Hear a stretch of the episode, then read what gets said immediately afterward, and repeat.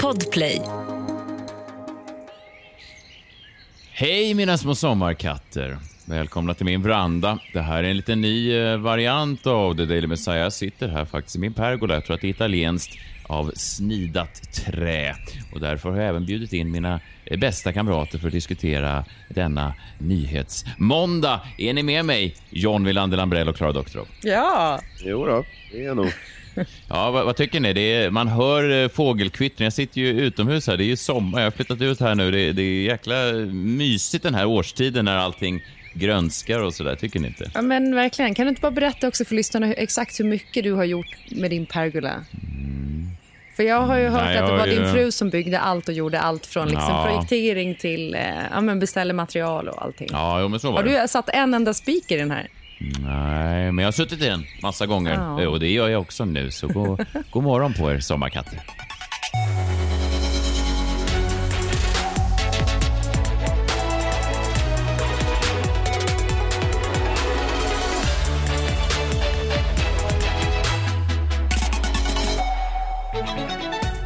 Imorgon är vi tillbaka i studion för den sista nyhetsveckan innan midsommar. Sen tar vi en liten semester, eh, men eh, det är väl härligt. Har ni en eh, sommarkänsla också den här morgonen? Ja, vi har haft lite sjukdom i familjen under helgen. Så att, eh, Mm, jag somrigt. Väldigt supersomrigt. Sommarsjuka. Jag pratade med, ja, med någon kompis som sa nu att juni är det nya februari. För att liksom alla verkar vara sjuka överallt. Det är lite konstigt.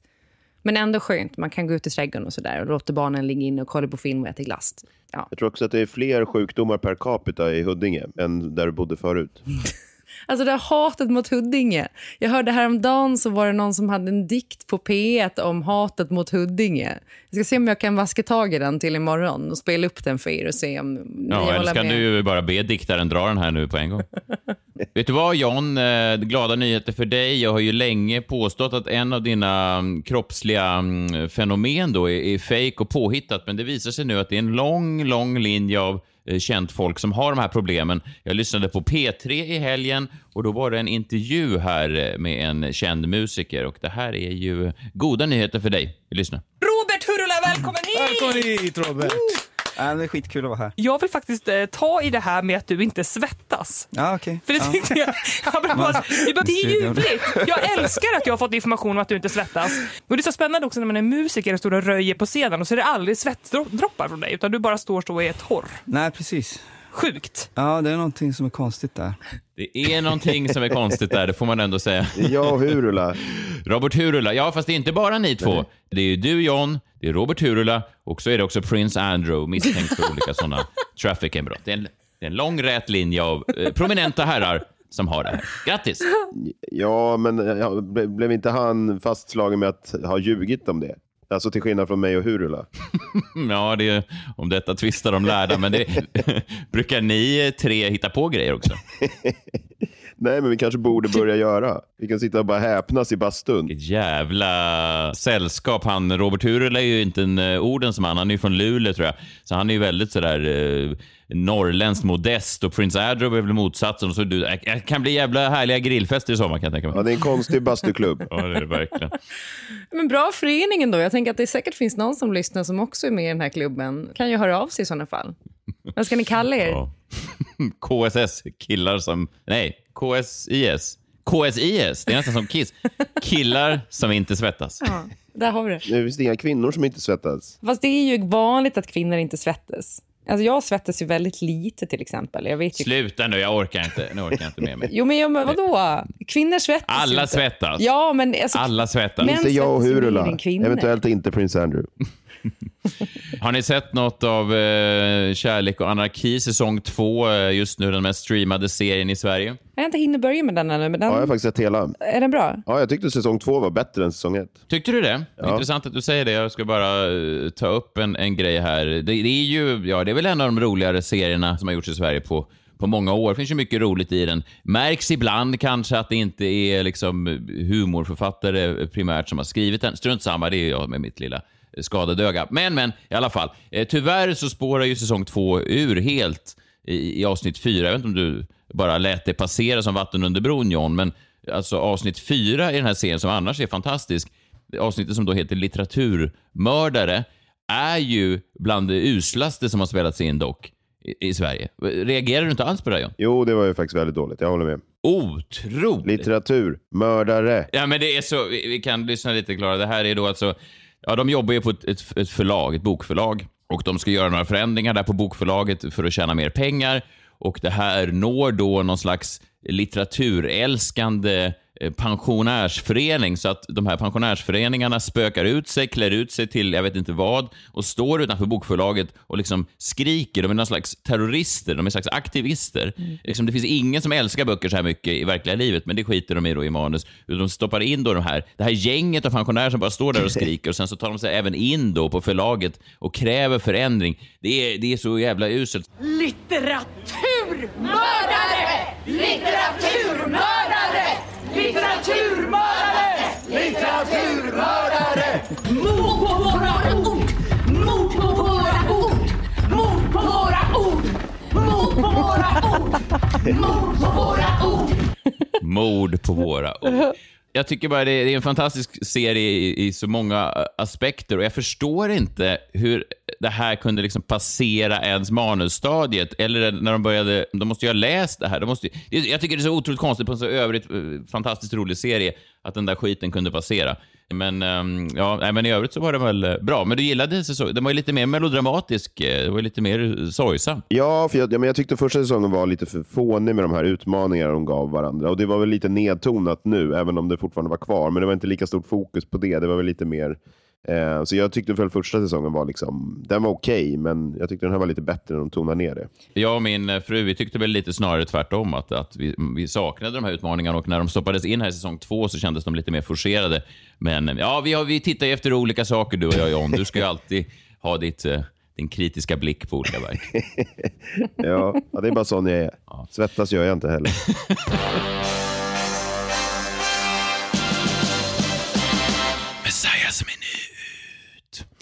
I höst har då det mest kontroversiella tv-programmet i Sverige, jag gör den predictionen, den förutspåelsen redan nu. Eh, det är ett program som har premiär på SVT. Jag antar bästa sändningstid. Och det här kommer då uppröra folk. Sanna mina ord. Det heter då inte, det här är en lek med orden då, det heter då alltså inte SFI, det heter inte svenska för invandrare, utan det heter då invandrare för svenskar. Förstår ni? De har ja. bytt på det där. Jag såg något om det i sociala medier. Det var ett jädra gäng som var där. Det är ett jädra gäng och eh, det är en ny eh, gameshow och den leds av min eh, goda vän, eh, den mycket begåvade komikern Ahmed Beran. Så här sammanfattar han eh, programmet. Det gott folk, mellan den 10 och 15 juni så kommer jag Ahmed hosta SVTs nya gameshow IFS, Invandrare för svenskar, där vi ska ta reda på vad svenskar mitt i livet egentligen kan om oss alla andra. Hur många svenskar ser skillnaden mellan Cuz och Zlatan? Vad betyder Dakhri? Alla de här frågorna kommer vi ta reda på i IFS. Det kommer inte bara vara jag, du kommer se alla era favoriter. Det kommer vara Zucchini-turken, Skogsturken, P3-turken, Dansturken, Läk, vem vet, till och med Laserturken kanske kommer dyka upp. Kul att zucchini-turken, att det, liksom, eh, att det vände för honom. Zucchini-turken, vem är det? Ja, men zucchini-turken är ju han som skulle köpa zucchini. Men han var ju ingen riktig turk. Nej, han var ingen riktig turk, men man skulle kunna hävda att ingen av de här andra turkarna heller var en riktig turk. det bara är... Jag, jag, tror inte heller att det är okej. Det är väl okej när man sätter dem i sådana här sammanhang, liksom. men, men annars tror jag, jag minns när man slutet av 90-talet, då la man ju till turken. Det var inte helt rumsrent att sätta det på en massa olika nationaliteter. Man sa så här, ja, det här, den här affären drivs av en turk. Det var ju sällan turkar som drev de här affärerna, men ja. det är väl, jag vet inte, det har väl, eh, det där har väl förändrats. Men, ja. ja, men det var ju en, eh, en slentrianmässig liksom, vad ska man säga, förenkling av det geopolitiska läget av folk som strömmade in till Sverige. Det var ju kanske inte så många som kom från Turkiet, men de blev alla turkar i då den, den ariska mannens värld. Mm. Eh, men det är tur att, jag, att vi har gått vidare och att vi nu bara döper eh, tokstollar på tv till typ zucchini-turken och körkortsturken och sånt där.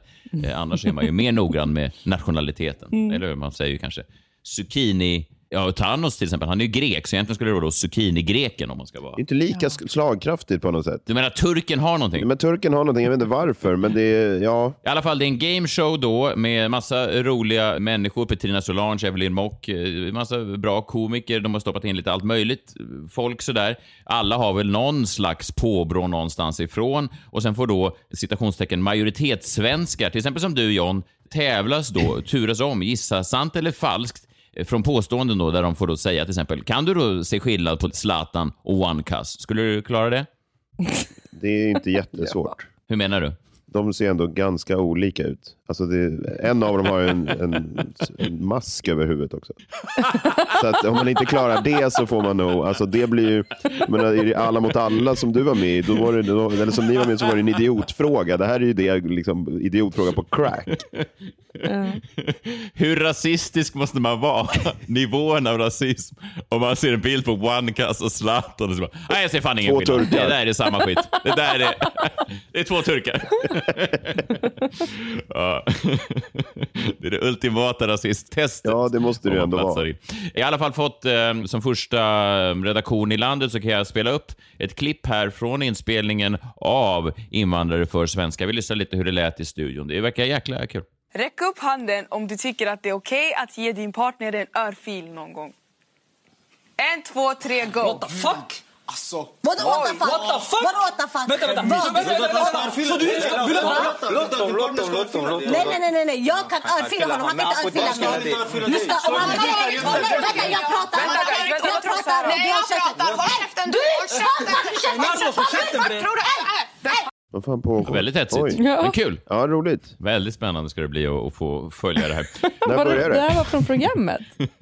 Nej, det här var faktiskt, det här var, det här var ett annat program. Jag det Ett annat? Det här var från eh, talkshowen Tjafs som via Free satte ihop en panel av folk, också många med utomnordiskt påbrå, som jag misstänker lite cyniskt att de hoppades att de skulle börja tjafsa. Jag vet inte vad det här programmet gjordes för, men jag kan tänka mig att det gjordes av den anledningen att folk i vissa delar av Skåne skulle kunna slå på det och bara säga ja, det är så där de är. Jag vet inte. Det är, det är ett mycket märkligt program. Mm. Men i alla fall, eh, det här programmet IFS skulle ju kunna då väcka samma känslor. Man satt ju bara väntade på att när kommer då en viss typ av högerpolitiker få nys om det här? När kommer de säga, aha, nu tar de över på SVT, det här har vi vetat hela tiden. Vad kommer härnäst? Ska Båtsman bli en afghanhund? Eh, eh, gelato i glassbutiken. Vad händer med vaniljglass? Ni vet den typen av eh, hedersmord på bästa sändningstid. Ska det vara så? Den typen av reaktioner. Man trodde ju att det var högern som på något sätt skulle uppröras över det här. Alltså det är för många invandrare samtidigt på bästa sändningstid. Alltså om man då dömer alla som turkar så är det ju då 20 turkar samtidigt. Och det blir ju då ett över, det blir turköverflöd. Alltså man får ju kanske läggas in då eh, för, för behandlas med luktsalt eller vad man nu behöver för att vakna till liv. Det sista jag minns var att det var 20 turkar på tv samtidigt och sen så bara svartnade det. Ja, alltså jag vet ju släktingar som absolut kommer att reagera så. Ja, precis. Och så, och så säger man så men Evelyn Mock är ju från Kina. Ah! Kom inte med detaljer. Hon är turk, punkt. Man trodde ju på något sätt att det skulle komma från högerkanten, det här raseriet. Men redan innan högern hade hunnit rasa och gått upp i sina faluröda limningar så han vänstern då före i och med att Karin Pettersson på Aftonbladet, den enda vänsterkommunisten som någonsin har gått på Handelshögskolan, tror jag. Det är hon nog, eh, har hon nog diplom hemma för. Jag vet inte om hon är kommunist, men hon är ju den enda vänstermänniskan som någonsin har kommit ut ur Handelshögskolan, vilket är, ett, det är imponerande i sig hur man ens klarar av det. Men det, det har hon då gjort. Och Hon gick då ut och skrev en artikel i Aftonbladet eh, med rubriken “Public service stryker populismen medhårs. Vänstern måste reagera när högerdreven påverkar journalistiken”. Hon är upprörd över att en av de här panelisterna i den här panelen är då Chang Frick. Frick är då en tidigare SD-aktivist och han grundade då Nyheter Idag som är en sån där sajt som som, ja men du vet, med rubriker “Tjuvaktig kines eh, stal soja eh, inne på Willys”. Alltså, den typen Ja. av den typen av... Har det hänt verkligen? Ja, men jag tror att det skulle kunna ha hänt. Det här är en potentiell Ja, ja. kines, men om de nu behöver ett komplement till sin, till sin risrätt, möjligtvis. Ja. Ja, men jag, jag vet inte. Ja, men ni förstår. vet Mm. ju också att asiatisk bittergurka ligger över på 100 kronor kilot nu, så det är ju klart att det är tufft. Ja. Inflationen drabbar ju alla. Ja, givetvis. Jag, exakt. Jag bara tog ett, en rubrik ur luften helt enkelt. Mm. Och ehm, Hon menar att public service är så livrädda för att de får så mycket kritik från högern. Så att public service överkompenserar och bjuder in folk som faktiskt inte ska vara i public service. Alltså som inte hör hemma där för att de är vedervärdiga. Men då vill de då motbevisa högertyckarna och säga kolla på oss, våra händer är rena. Vi bjuder ju till och med in, säg Chang Frick, till det här programmet där invandrare sitter och skojsar. Och ehm, ja, vad säger man vad vill om det?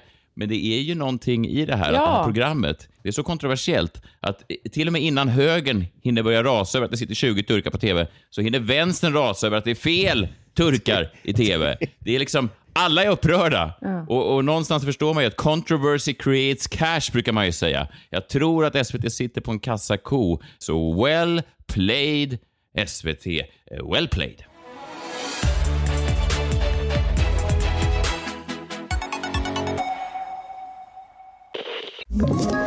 Ett poddtips från Podplay. I fallen jag aldrig glömmer djupdyker Hasse Aro i arbetet bakom några av Sveriges mest uppseendeväckande brottsutredningar. Går vi in med hemlig telefonavlyssning och, och då upplever vi att vi får en total förändring av hans beteende. Vad är det som händer nu? Vem är det som läcker? Och så säger han att jag är kriminell, jag har varit kriminell i hela mitt liv men att mörda ett barn, där går min gräns. Nya säsongen av Fallen jag aldrig glömmer på Podplay.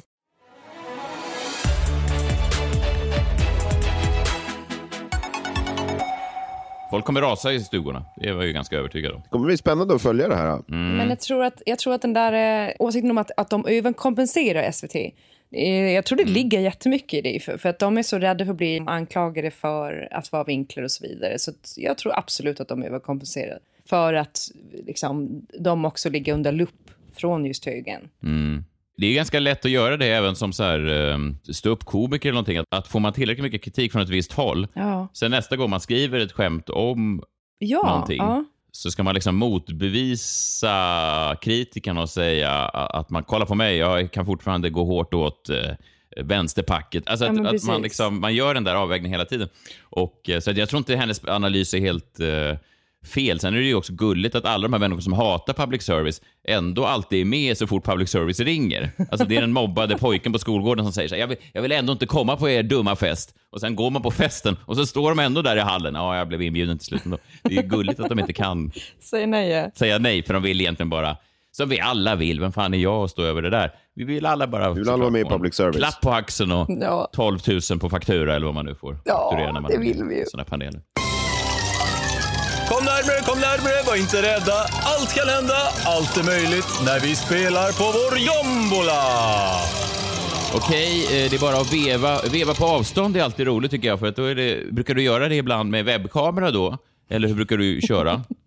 Att du tar betalt för att sitta och veva då framför webb... Ja, Alltså det är det du har Onlyfans till John. och BB. ja, det är kul. Det är kul. Det är kul.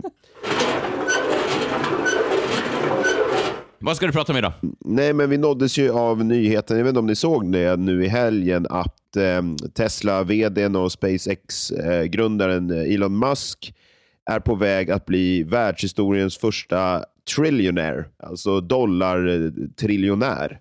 Det är då en rapport från, if all goes according, jag läser här från, eh, från en artikel, if all goes according to plan. Elon Musk could be well on his way to becoming the world's first trillionaire by 2024. As of uh, June, Forbes estimates the Maverick business tycoon's real-time net worth at 204 billion dollars.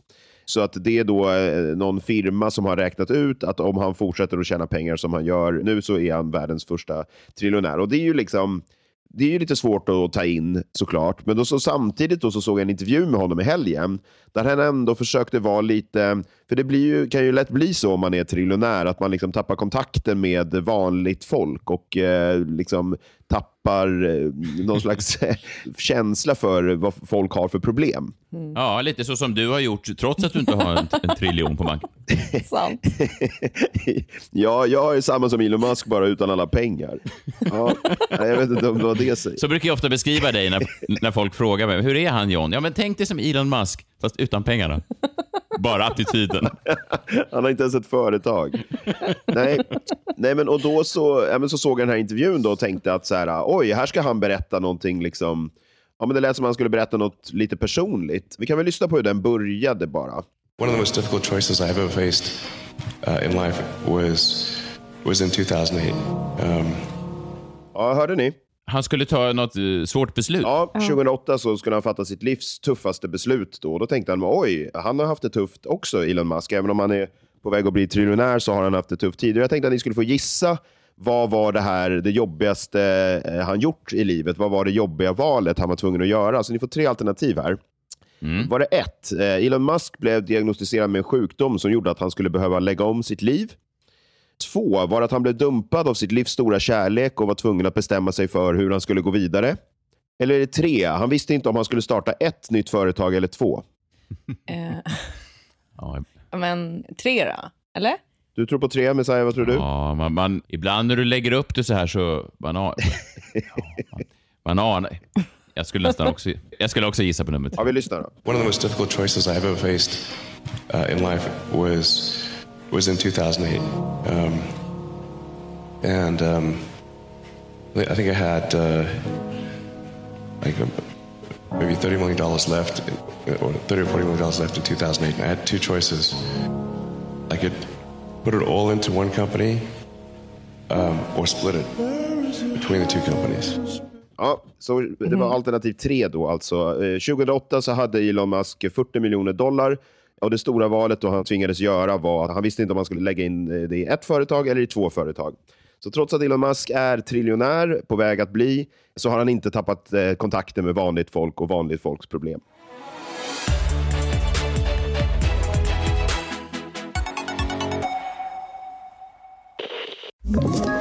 Ett poddtips från Podplay. I fallen jag aldrig glömmer djupdyker Hasse Aro i arbetet bakom några av Sveriges mest uppseendeväckande brottsutredningar. Går vi in med hemlig telefonavlyssning och, och då upplever vi att vi får en total förändring av hans beteende. Vad är det som händer nu? Vem är det som läcker? Och så säger han att jag är kriminell, jag har varit kriminell i hela mitt liv men att mörda ett barn, där går min gräns. Nya säsongen av Fallen jag aldrig glömmer på Podplay.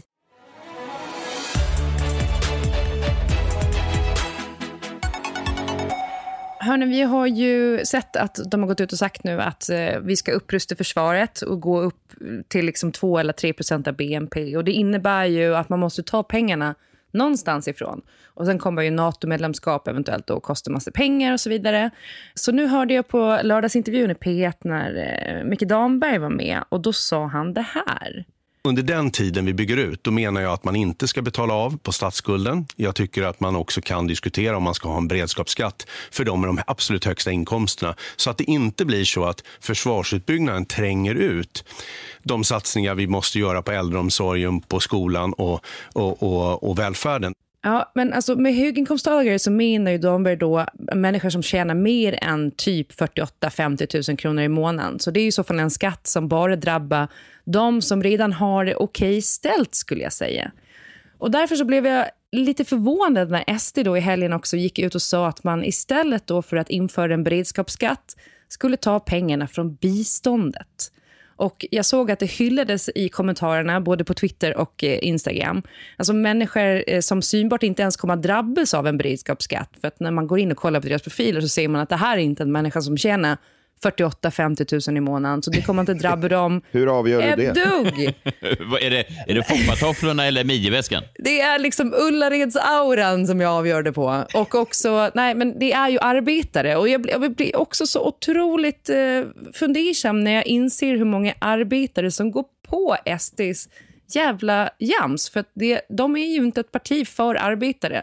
De säger att de är det, men de är ju inte det. För att den här skatten skulle ju bara drabba liksom, de som redan har jättemycket pengar och som inte har problem att få det att gå ihop i slutet av månaden. Och många som också är så här, biståndet, varför ska vi ha bistånd? Varför ska vi, vi behöver liksom rädda vårt eget land först, hängslar och livrem typ. Och också, vi vet inte var biståndspengarna går, var det någon som skrev. Och det är väldigt vanligt återkommande i de här kommentarerna. Och det förstärker ju verkligen min bild av de som röstar på SD, att de är riktiga jävla nötter alltså. Oj, nu, nu är inte ska vi säga, de som röstar på SD här och kan försvara sig. Nej, men, men, men, dem det, makes, ja, men det här makes no sense. Alltså, de vill ju ha mer pengar över i plånboken men de vill inte införa en skatt som inte ens drabbar dem. Det är väl jättebra om de rikare då får betala för försvaret. Och det här med biståndet, liksom, har de hört talas om att Sida har en hemsida som man kan gå in på och där redovisar de alla projekten. Och biståndet används ju även eh, i asylprocessen i vårt eget land. Alltså vi kan ju inte stänga ner asylprocessen för det, det är ju liksom en rättighet människor har att få söka asyl i en demokrati av politiska skäl. Så att om vi stänger ner det, då kan vi ju lika gärna bli Nordkorea eller Ryssland. För det är ju länder som inte har asyl till exempel. Och det, det känner jag, det kanske inte känns så jävla festligt. Vill de det verkligen? Och jag ägnade i alla fall helgen då åt att läsa Sidas årsredovisningar. Jag gick tre år tillbaka i tiden. Och det gav mig ändå hopp. För jag tycker att biståndet är ju liksom empati och omtanke. Och var finns den empatin hos SD och SDs väljare? SD har ju tidigare ut och sagt att de vill hjälpa människor i närområden. De vill ju inte ta hit flyktingar, utan de säger vi hjälper dem i närområden. Det var ju exakt det de har gått ut och sagt. Det de har haft liksom som så här vallöften. Vi hjälper folk på plats så de inte behöver fly hit. Och nu vill de inte ens göra det. De vill att vi ska sitta här i Sverige som fete midsommarsillar och se på nu när 1,1 miljon barn under fem år svälter ihjäl i Afghanistan. Och så säger de det är inte vårt problem. Det är deras problem. Det är talibanernas problem. Det får väl talibanerna lösa. Och under tiden så svälter ju människor ihjäl i länder vars regimer skiter i sin befolkning, eller vissa delar av sin befolkning. Och också att väldigt mycket av den här svälten just nu på Afrikas horn eller Afghanistan beror ju på missväxt på grund av klimatförändringar. Klimatförändringar som jag tänker att vi höginkomsttagare i Sverige är med och bidrar till. För att vi ska flyga till Thailand och vi ska konsumera och vi ska köpa nya soffor och det är liksom Ikea, Ullared och allt möjligt skit. Vi konsumerar ju som om vi hade fyra planeter i Sverige. Så vi bidrar till klimatproblemen som bidrar till att de här människorna svälter. Och så ska vi inte hjälpa till. Det är en bedrövlig inställning till sina medmänniskor. Och därför så är jag väldigt mån Ja. om att biståndet ska ligga kvar på 60 miljarder. Nu har man ju tagit lite av det och omfördelat till flyktingarna från Ukraina här i Sverige. Men det är fortfarande viktigt att vi fortsätter med bistånd. För vad är vi annars? Djur. Alltså det är liksom... Det, det är det som gör oss till människor, tycker jag. Biståndet? Ja, men alltså, vad tycker ni? Ja, jag säger inte att du har fel i sak, men däremot kan man ju kanske... Jag vet inte, det känns på något sätt som att de här em, argumenten som du för fram är... Alltså det är konstigt att säga det, men de känns ju nästan lite förlegade i den avsikten, alltså att de ska förändra de här människornas åsikter. Det skulle behöva komma till något nytt kanske, för att jag tänker att de här människorna tänker inte på de här människorna som verkliga människor. Eller de säger, varför ska vi inte hjälpa Sverige först? Allt det här, liksom, men det är ju samma anledning till att folk, hur kan folk som bor i husvagnar i USA gå och rösta på Republikanerna år efter år efter år efter år? Ja. Och så tänker man, även om man kommer då med någon slags statistik till de här människorna, eller säger så här, det här drabbar inte er, eller det här är dåligt för er, så kan de inte liksom ta sig över den kullen. Så man skulle behöva, det känns som man skulle behöva en ny en ny lista med argument, alltså väcka någonting annat. För att det här att eh, alltså spela på folks empati och sånt där, det känns nästan som att det inte fungerar. Jag menar med bara att, att, att det, jag håller med, såklart man ska tänka på de här människorna. Sen vet inte jag om jag tänker så mycket på fattiga människor generellt sett eftersom jag, är full, jag har fullt upp med att liksom försöka leva som att det inte bara är fyra planeter jag har utan kanske sex jord. Hur många, du måste tänka på hur många företag du ska starta. Ja, Ja, men jag, exakt det. jag har fullt upp. Jag, menar, jag tänker samtidigt, och 60 miljarder, jag ska inte ljuga Klara, det låter så mycket pengar. Tänk dig alla paddelanläggningar som vi skulle kunna bygga för dem. Så att, så att man måste också ta med Ja, men det, är typ, det, är det som den enkla matten är att det är ju typ kostnaden för försvaret. Försvaret skulle kosta lite mer än det. Men, men en grej att fundera på då också, om man skulle... För, för det är lite tanken jag haft också. Men kan hjälporganisationerna behöva rebranda sig lite också? För jag tror så här, alla människor, även de som röstar på ST, när de ser svältande barn på tv, när vi har olika galor, då är det klart att de tar upp telefonen och swishar. Det gör väl alla. Det är ju mänskligt såklart. Men, men det blir ju så him- då, då blir det ju trendiga svältande barn som man vill hjälpa. Ja, Swishar- det är de värsta. Ja, det är men- de värsta. De trendiga svältande barnen. de här som bara-. Nu swishar ju alla, alla swishar till Ukraina för det är också så här, det kan bli svält i Ukraina och hela till spannmålsförrådet och allting som kommer från Ukraina. Och innan var det ju Afghanistan och sen så när Ukraina kom då skit folk i Afghanistan för det är inte trendigt längre. Och innan det så har det ju varit hela Afrikas horn och Somalia och allting, eh, Darfur och det här, där liksom, ingen bryr sig om det längre. För att det är inte trendigt. Alltså så här, man hakar på den senaste insamlingstrenden. Det är lite så det känns. Och då- funderade jag på när jag läste då på Sidas eh, verksamhetsberättelser att det finns då en hjälporganisation jag aldrig hört talas om. Ni vet ju att det finns Läkare utan gränser, det finns Reportrar utan gränser. Jag hade också en kompis som gick med i Clowner utan gränser. Och det enligt mig är ju ett illa valt namn på en hjälporganisation. En clown utan gräns, det är ju liksom det sämsta man kan ha på ett barnkalas, tänker jag. Och, och, och det är väl där problemet ligger för de här hjälporganisationerna och att de inte når ut med arbetet de gör. Den eh, organisationen jag nu läste om, som jag inte visste fanns då, den får då priset för det osexiga namnet. Sverige jobbar nära den här organisationen och det är ju då för att bygga ut system i utsatta länder och de kallar sig för Tax Inspectors Without Borders, alltså skatteinspektörer utan gränser. Det låter ju 100% som det värsta jag kan tänka mig. Och jag, kan, jag, får, jag vet inte vad ni säger, men jag får inte bra konnotationer här. Man är ju så van vid skatteinspektörer med gränser. De sätter tydliga gränser. Ja, och man vet också hur det gick för vissa sådana här skatteinspektörer utan gränser, de här som satt i styrelsen i Alla mina kamrater, att det är så viktigt ibland att de har gränser. För att annars kan det lätt spåra ur. Ja, det är, det är verkligen det. Nej, men eh, ja, jag tycker helt enkelt att de här utan gränser-gängen, de behöver lite varumärkesarbete och kanske Sida och biståndsorganisationerna överlag. Så att inte det behöver vara ett frågetecken att vi ska hjälpa människor som har det illa ställt. För det är fan ingen som svälter i Sverige än och jag tror inte att det kommer vara det på ett bra tag heller. Hörrni, jag fick lite breaking news här också. Ni vet i vintras när jag pratade om eh, min katt Morris som försvann. Ja, vet du vad? När, jag tänk, när jag tänkte att du sa breaking news så tänkte jag, gud vad är det nu som hänt? Och sen så tänkte jag, vad konstigt att jag inte, att jag inte har fått någon flash från Aftonbladet eller Dagens Nyheter. Morris. Men om det gäller din katt Morris så kan jag förstå att de andra nyhetsredaktionerna eh, ligger lågt med den. Ja, jag fick ett sms nu. Hej, jag har försökt få tag i dig angående din katt Morris. Kan du ringa mig när du får möjlighet? Hälsningar Josefin. Eh, Jag får helt enkelt återkoppla kring det här imorgon. För att ni vet ju att eh, han har ju varit borta ett halvår, inklusive airtaggen vi satte på honom. Så, Just det, vi, många tror jag har undrat vad som hände med Morris egentligen. Och imorgon kan vi då få svaret. Ja, Han gick med i. Katter utan gränser. Ja, verkligen. Han kanske var hela vägen upp i Haparanda, vem vet?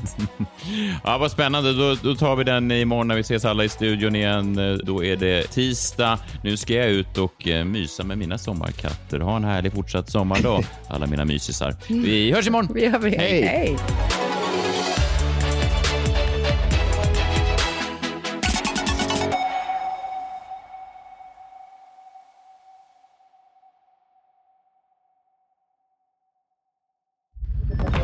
Podplay, en del av Power Media. Ett poddtips från Podplay. I fallen jag aldrig glömmer djupdyker Hasse Aro i arbetet bakom några av Sveriges mest uppseendeväckande brottsutredningar. Går vi in med hemlig telefonavlyssning och, och då upplever vi att vi får en total förändring av hans beteende. Vad är det som händer nu? Vem är det som läcker? Och så säger han att jag är kriminell, jag har varit kriminell i hela mitt liv men att mörda ett barn, där går min gräns. Nya säsongen av Fallen jag aldrig glömmer på Podplay.